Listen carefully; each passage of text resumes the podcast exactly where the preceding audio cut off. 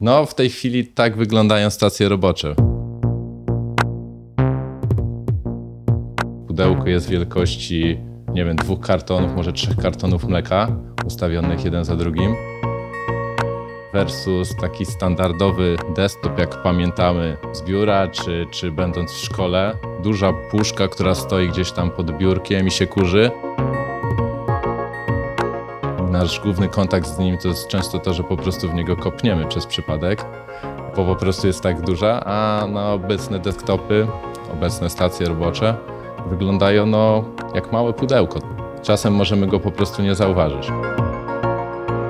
Moim gościem w kolejnej odsłonie podcastu tworzonego we współpracy z Lenovo i zatytułowanego Co jest w środku jest Maciej Misiewicz, Workstations Business Development Manager w Lenovo Polska. No jest mi niezmiernie miło, że zostałem zaproszony do tego podcastu. Trzy kartony mleka, nieduże pudełko, niech to jednak nikogo nie zmyli.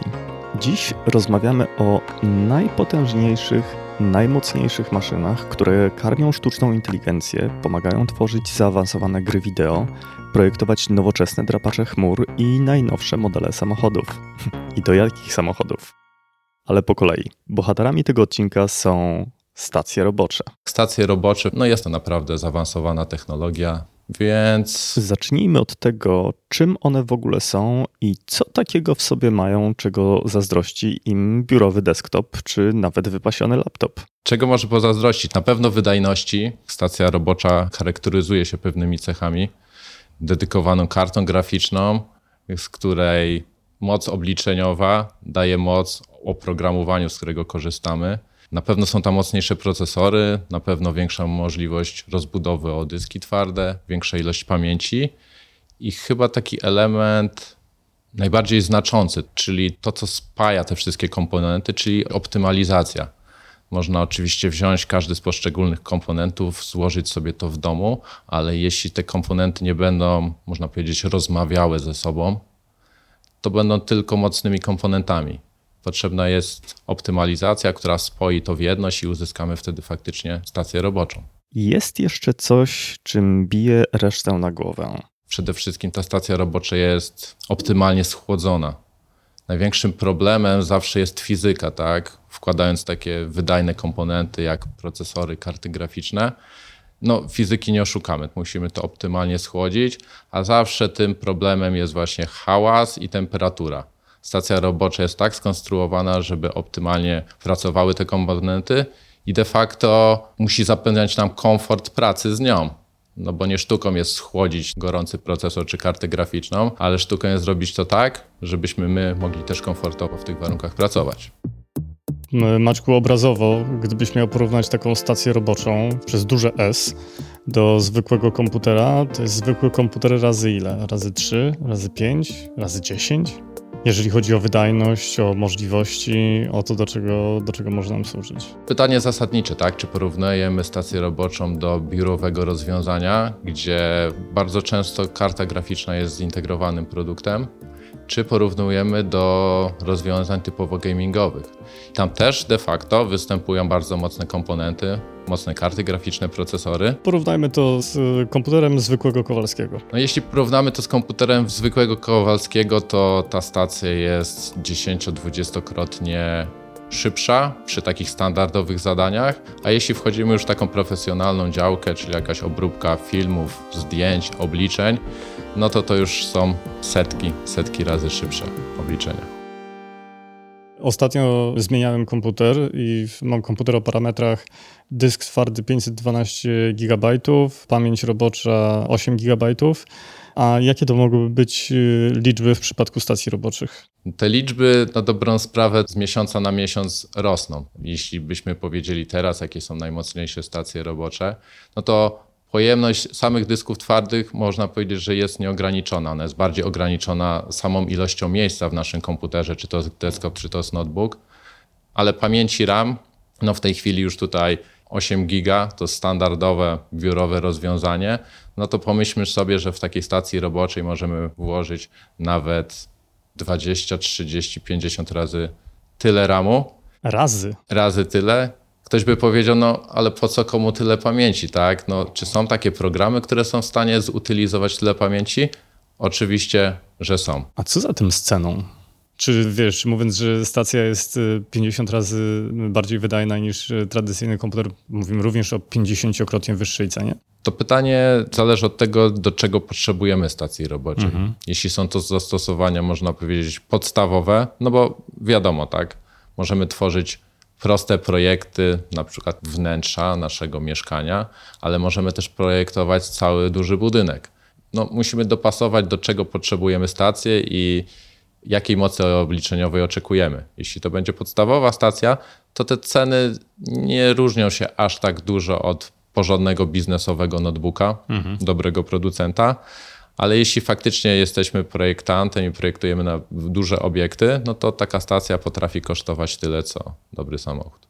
No, tak to wygląda. Ta działka profesjonalna charakteryzuje się tym, że te komponenty są zupełnie inaczej dobierane mhm. i de facto czasem nawet procesor czy karta graficzna, która wydawałaby się ma dużą moc obliczeniową, ze względu na to, że nie jest optymalnie skonfigurowana, nie ma odpowiednich sterowników, a przede wszystkim oprogramowanie no, musi działać z tym komponentem. Jeśli nie jest napisane po prostu pod tą aplikację dany komponent, to nie jest w stanie wykorzystać po prostu tej mocy, która de facto w nim drzemie. Czyli zakładam, że jest to produkt szyty na miarę, tak? W zależności od tego, czy jest to stacja robocza przeznaczona dla grafiki, obróbki dźwięku, nie wiem, kopania kryptowalut czy czegokolwiek innego, to ona wtedy składa się z innych komponentów, tak? Dokładnie tak. Dokładnie tak jak szyjemy właśnie smoking czy garnitur i chcemy się w nim komfortowo, dobrze czuć, to tak samo dla każdego inżyniera jest ważne, żeby ta stacja była właśnie szyta na miarę, żeby był odpowiedni procesor, odpowiednia ilość RAMu, no i tak jak mówiłem wcześniej, karta graficzna, która będzie służyła do konkretnych zadań, tak jak wymieniłeś. Tak? Inaczej będzie, jeśli będziemy zajmowali się grafiką, inaczej, jeśli to będą przepływy, inaczej, jeśli to będą obliczenia zero-jedynkowe. No, ten smoking, ten garnitur musi być dopasowany do tego, gdzie chcemy de facto wyjść w tym ubraniu.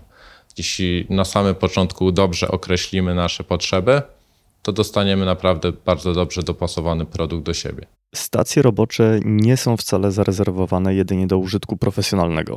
Całkiem dobrze sprawdzają się też w domowych warunkach. Nie każdy, kto w pracy jest inżynierem, grafikiem czy fotografem, może de facto tej stacji też użyć w domowych warunkach i wykorzystać jej moc obliczeniową.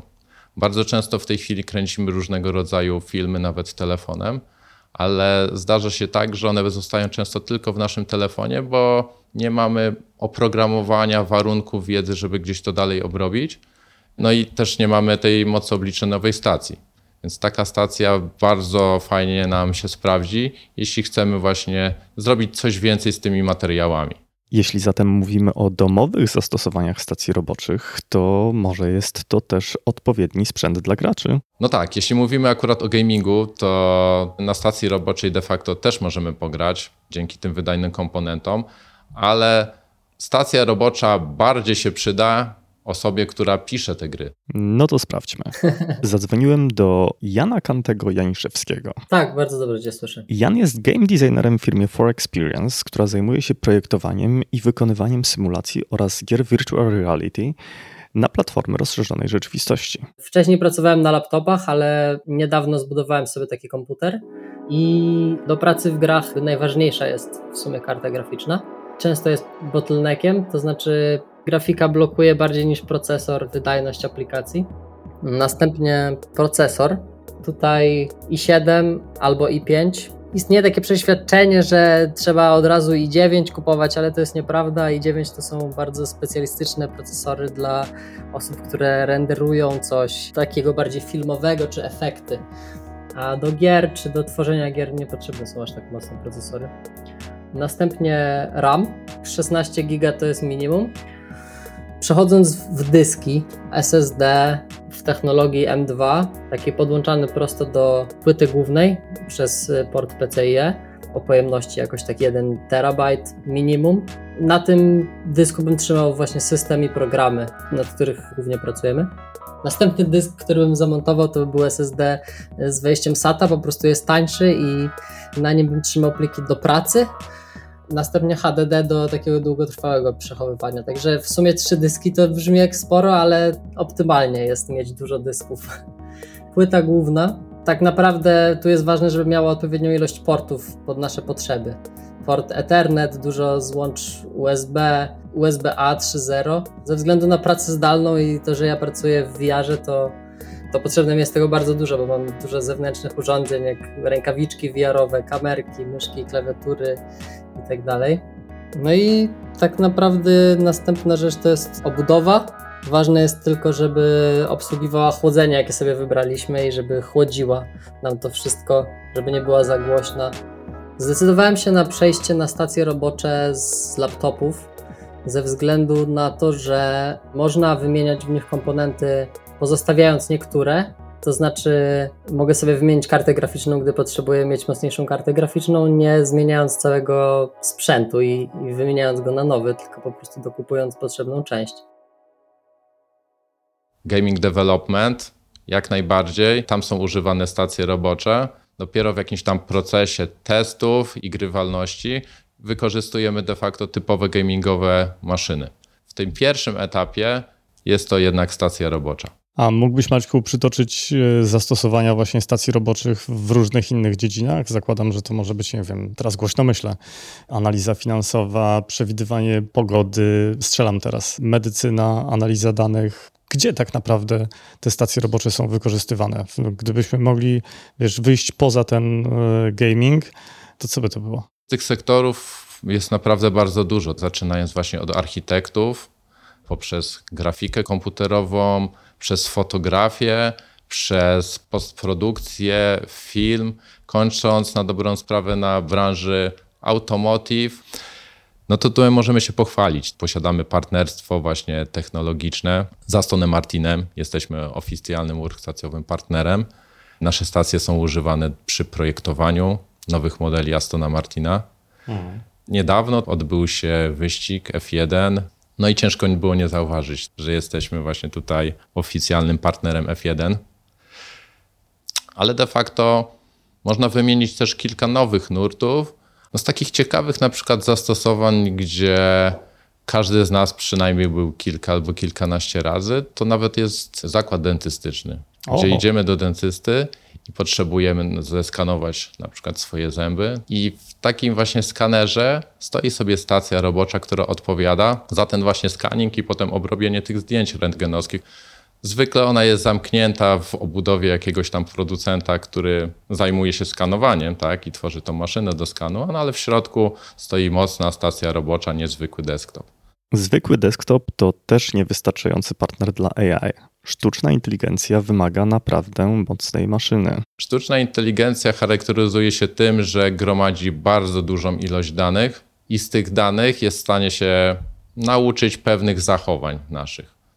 Na przykład kamery przemysłowe, które wcześniej służyły w sklepach, żeby nadzorować, żeby ktoś jakiegoś produktu po prostu nie wyniósł. W tej chwili służą do czegoś innego. One zliczają ludzi, one sprawdzają, w których miejscach w sklepie się znajdujemy. I te ogromne ilości danych muszą przetworzyć. Tak? Mhm. Do tego właśnie służą między innymi stacje robocze. Jeśli znasz odcinek o ThinkPadach, to wiesz, jakim ekstremalnym testom poddawane są notebooki Lenovo. Oblewane kawą, wodą, upuszczane na kamienne posadzki, zrzucane ze schodów. Czy tak samo trwałe i wytrzymałe są stacje robocze? Jak najbardziej. Stacje robocze, tak samo jak właśnie serwery, no to strategiczny de facto produkt, więc no każda awaria, każdy przestój to są właśnie straty dla użytkownika. Stacja robocza i komponenty, które znajdują się w środku, są dużo lepszej jakości. Stacja robocza jest przygotowana na pracę 24 godziny, 7 dni w tygodniu, 365 dni w roku. Więc jeśli potrzebujemy takiego zastosowania, to faktycznie możemy kupić taką stację i można powiedzieć o niej zapomnieć, tak? Ona będzie działała przez te 3, nawet 5 lat w trybie ciągłym, ponieważ te komponenty w środku są na to przygotowane. Kolejna rzecz właśnie Military Star 810H, no testy wytrzymałościowe.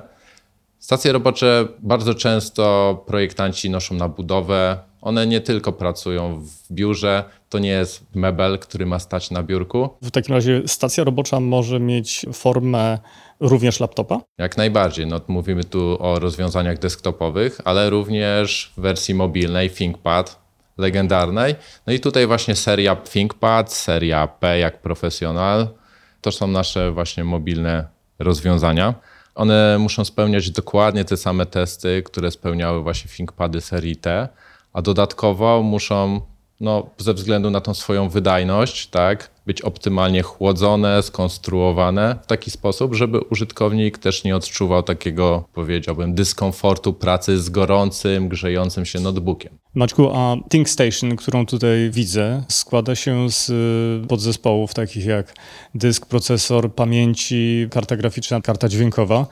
Jak to wygląda? Czy wy jako Lenovo jesteście producentem wszystkich komponentów, czy korzystacie z tych elementów produkowanych przez inne firmy również? No oczywiście nie możemy być producentem wszelkich komponentów, ponieważ no są firmy, które zajmują się tym latami i tworzenie czegoś od początku no, miałoby się troszeczkę z celem. Tak? Taką unikalną cechą na rynku właśnie stacji roboczych Lenovo jest to, że współpracujemy z dwoma producentami procesorów. To jest faktycznie unikalne, bo jesteśmy jedyni. W środku znajdują się karty graficzne czołowego producenta NVIDIA, dyski twarde pamięci. Tutaj właśnie warto też zaznaczyć, że to nie są komponenty gdzieś skupowane z rynku i wkładane do tej stacji, tylko mamy specjalne umowy z producentami każdych z komponentów i to są faktycznie wyselekcjonowane jakieś serie, żebyśmy byli pewni, że ten produkt jest jak najwyższej jakości. Na dobrą sprawę, główną rolą producenta, jakim jest Lenovo, jest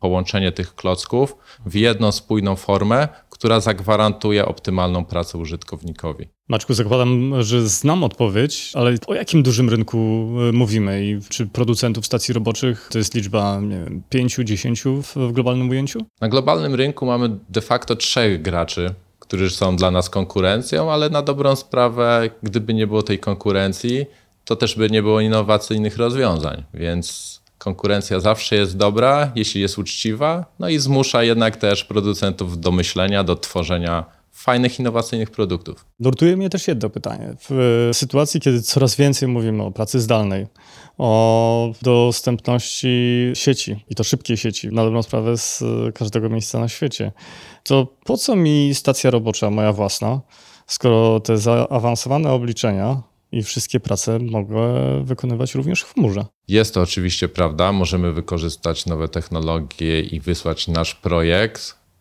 No właśnie pytanie, gdzie tak naprawdę? Mhm.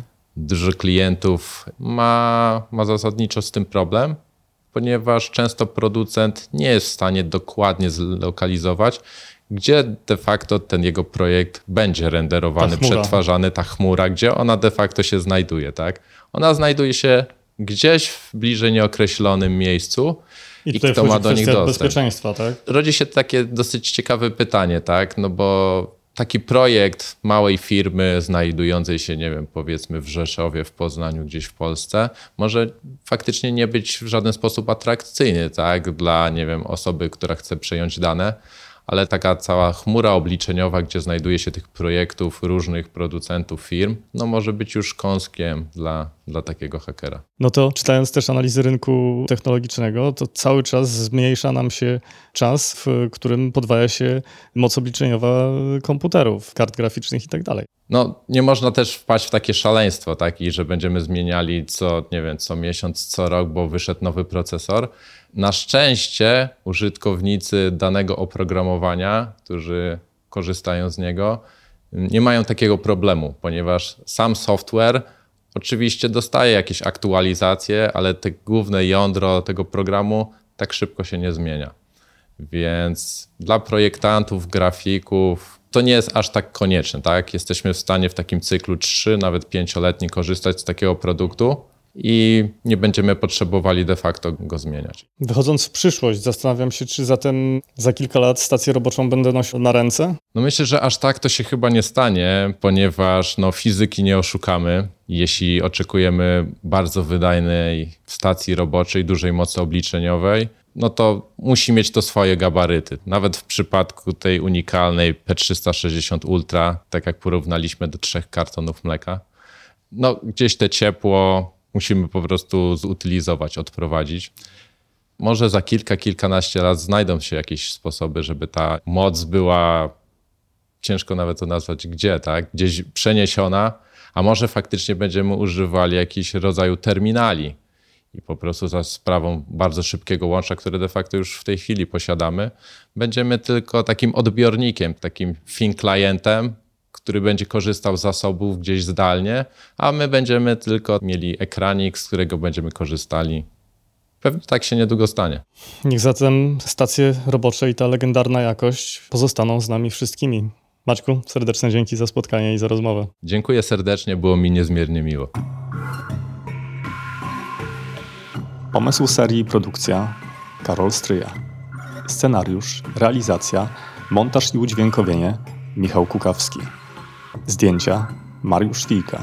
Wideo Jan Toruński.